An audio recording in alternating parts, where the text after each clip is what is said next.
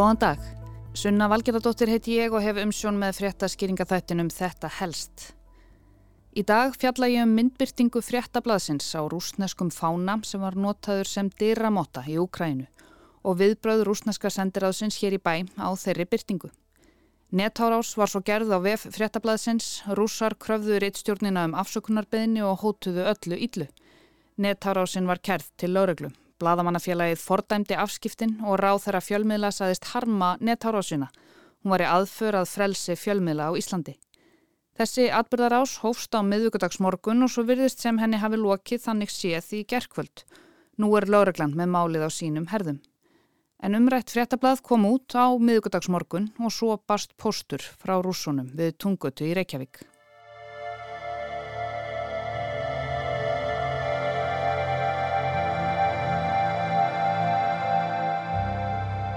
Kæri herra Rúnarsson, Rúsneska sendiráðið tilur að byrting frettablasins þann 10. ágúst 2022 á ljósmynd af mannesku að trafka á fána rúsneska sambandsliðveldisins síni mikla vannverðingu gagvart Rúslandi og ríkistákni þess.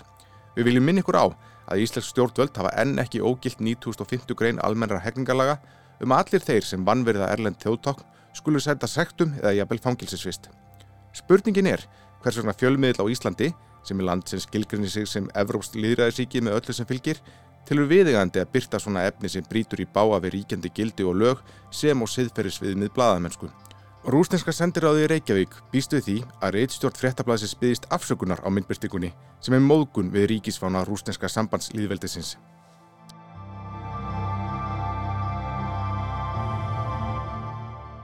Svo hljóðaði tölvupóstur sem Sigmundur Ernir Rúnarsson, reittstjóri fréttablaðsins, fjekk frá rúsneska sendiræðinu á miðugudag. Tilefnið er grein í blaðinu með mynd þar sem Valur Gunnarsson lýsir ástandinu í Ukrænu hvar hann hefur dvalið undanfarnar vikur.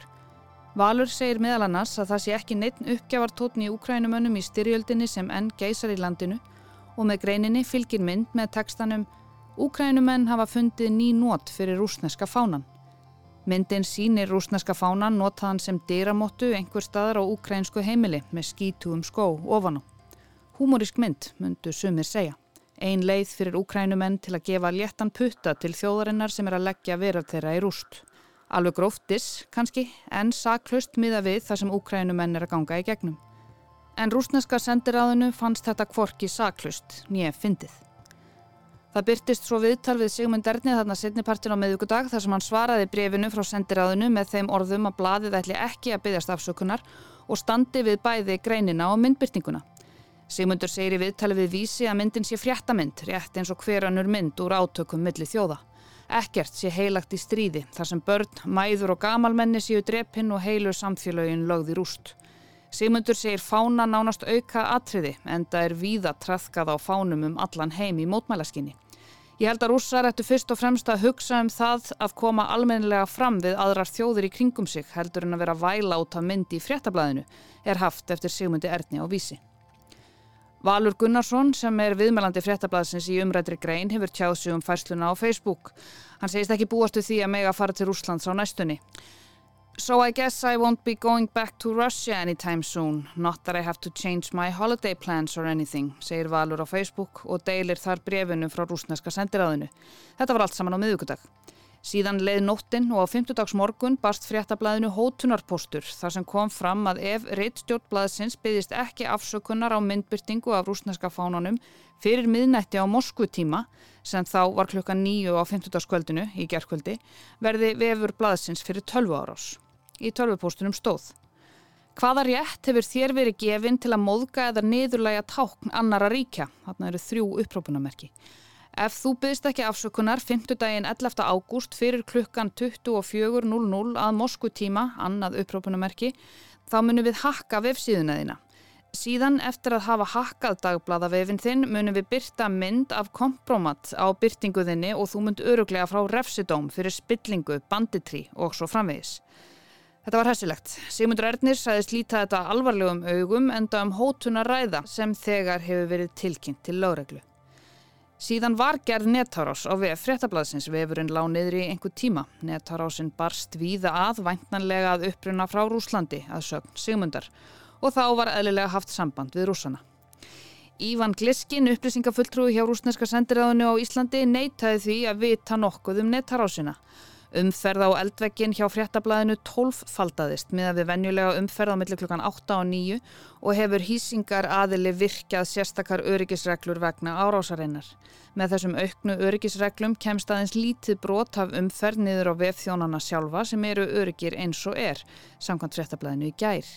Árásinn var kerð til lauruglu og óska var eftir því að lauruglan aðstóðaði við að upplýsa hver eða hverjir standi að hótuninni og netárásunni. Gliskin upplýsingafulltrúi sendiráðsins sagði að rússar krefjist afsökunarbeginni frá fréttablaðinu enda sé hér mjög alvarlegt mál á ferðinni sem hafi vakið mikil viðbröð meðal rúsnesks almennings. Hann sagði við fréttablaðið að hver sem er geti hafa staðið á 12 ára sinni en sendiráðið hafi ekkert með hann að gera. Mér finnst þetta ekki hörð viðbröð í málinu, sagði Gliskin við fréttablaðið spurður um árásina. Rúsneska sendiráðið sendi einnig brevpost á fréttablaðið sem barst á 50 dags morgun þar sem aftur er krafist afsökunarbeðni. Í brefinu ítrekkar sendiráðið skoðun sína að myndbertingin brjóti gegn almennum hegningalögum. Í niðurlagi brefsins segir að sendiráðið búist við því að fá afsökunarbeðni frá blaðinu fyrir að hafa móðgað þjóðfána Rúslands. Valur saði svo í samtali við Rúf í gær. Ég held nú að þeir fara ekkert að miða mig neitt sérstaklega út hér eða hafi yfir höfuð burði til þess. Það sem ég hef hins vegar miklu meiri áhyggjur af varandi rúsneska sendiráðið á Íslandi er að þeir njóstna svo mikið um eigin þegna.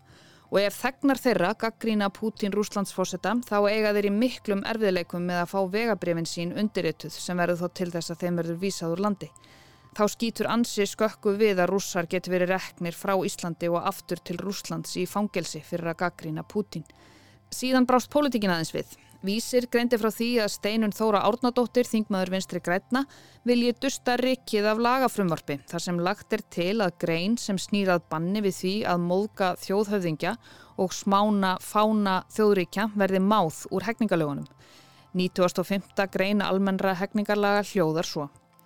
Hver sem ofinberlega smánar erlenda þjóð eða erlend ríki, aðista ráðamann, þjóðhöfðingja þess, fána þess eða annað viðurkjent þjóðarmerki, fána saminuðu þjóðuna eða fána Evrópuráðs, skal sæta sektum eða fangelsi alltaf tveimur árum. Nú eru sakir miklar og varðar brot, þá fangelsi alltaf sex árum. Þetta sem sé sama grein og rúsneska sendiráði vísaði til en Sigmundur Erdnir er í brefinu myndur sérstaklega á þessa grein þar sem bann er lagt við því að smána ofinber tákn þjóða að viðurlögðum sektum eða fangilsisvist. Lilja Dögg Alfredsdóttir, menningar og viðskiptar á þeirra, sagði á Ringbraut í gær sem er undir sama hatti á fréttablaðið að hún fordæmi og harmi þessa nettará sem gerð var á vef fréttablaðsins. Hún sagði máli vera grav alvarlegt og telur mikilvægt að íslenskir fjölmiðlar séu frjálsir.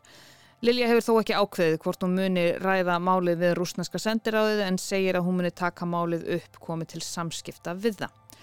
Og svo kom stundin. Helgi Seljan byrti þar stóra grein setni part 20 dags í gær með fyrirsögninni 12 ára ás á fréttablaðið sögð rúsnesk hemmt.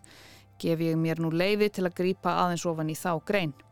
Reittstjórn fréttablaðsins fekk skilabóð með stuttu millibili þar sem farið er fram á að rússar yrðu beðnir afsökunar á myndbyrtingu. Ætlegar yrði gerð enn stærri árás á vefin og var hún tímasett klukkan nýju í kvöld. Á svipuðum tíma mættu tveir menn á reittstjórnarskrifstofur fréttablaðsins og hafðu meðferðis bref frá sendiherra Rúslands á Íslandi þar sem krafist var afsökunarbeðni vegna sömu myndar. Þarna kom áðurnemdur tölvupóstur með upprópunarmerkjunum öllum. Hvaða rétt hefur þér verið gefinn til að móðga eða niðurlæga tákn annara ríkja ef þú byggðist ekki afsökunar 5. daginn 11. ágúst fyrir klukkan 24 á Mosku tíma. Þá munum við hakka vefsíðuna þeina og svo framvegis. Sendir á því fordæmis líka aðgerð eins og aðrar sem brjóta gegn lögum er haft eftir glingin fjölmilafulltrúa í stundinni. Þar segir hann líka að ummælinn sem voru höfð eftir honum í fréttablaðinu að þetta væri ekkert svo alvarlegt höfðu verið tekin úr samhengi. Hann hafi verið að vísa til brefs sendiráðsins til fréttablaðsins og kröfu um afsökunarbeðni en ekki 12 árásar. Þessi ummæli sem höfð voru eftir mér voru alls ekki sögði því samhengi sem þau byrtast þarna í fréttinni. Ég var að vísa til þess að krafa okkar um afsökunarbeðni fæli ekki í sér hörð viðbröð, saði Glingin við stundina. Síðan kemur millifyrirsögnin Þórbergur, Steinn og Sigmundur Ernir, spurningamerki. Þar er tölvupósturinn frá sendiræðinu byrtur og aðeins litið aftur til sögunar. Helgi skrifar. Rúsneska sendiráðið vísar sérstaklega til þess að íslensk stjórnvöld hafi enn ekki felt úr gildi laga ákvæði sem leggur bann við því að smána erlenda þjóð eða erlend ríki aðista ráðamann þjóðhöfðingja þess fána eða annað viðurkent þjóðarmerki, eigi yfir höfðu sér alltaf sex ára fangelsi. Umrætt ákvæði er einna þekktast fyrir það að á grunni þess hlutu tvö þjóðkunn skáld dóma fyrir að mótmæla nazistum rétt fyrir miðja síðustu öld. Þannig hlaut reytöfundurinn Þórbergur Þórðarsson dóm fyrir að kalla Adolf Hitler satista í greinaflokki sínum Kvalarþorsti nazista árið 1934. Sama ár fekk svo skaldi Steinn Steinar dóm fyrir brot á sömu lagagrein þegar hann í félagi við fjóra aðra menn skar niður hakakrossfána að fánastöng ræðismanns bústaðsins á Siglufyrði.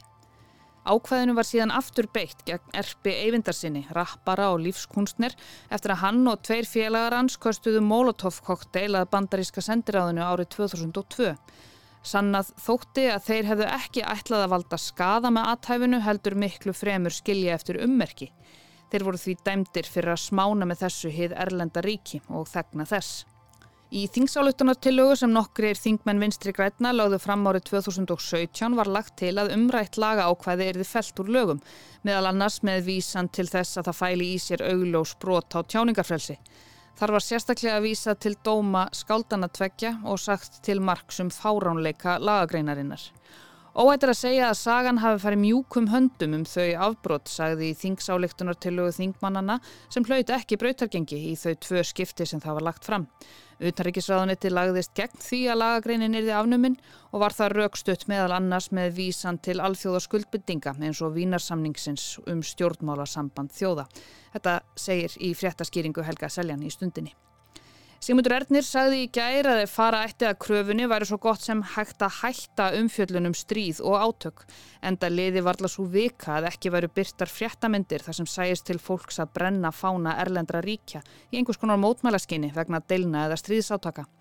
Bladamannafélagi sendi frá sér yfirlýsingu í gær og byrti sömuleiðis sömu mynd á vefsínum og fréttablaði hafði gert af skítugum fæti ofan á rúsneskum fána.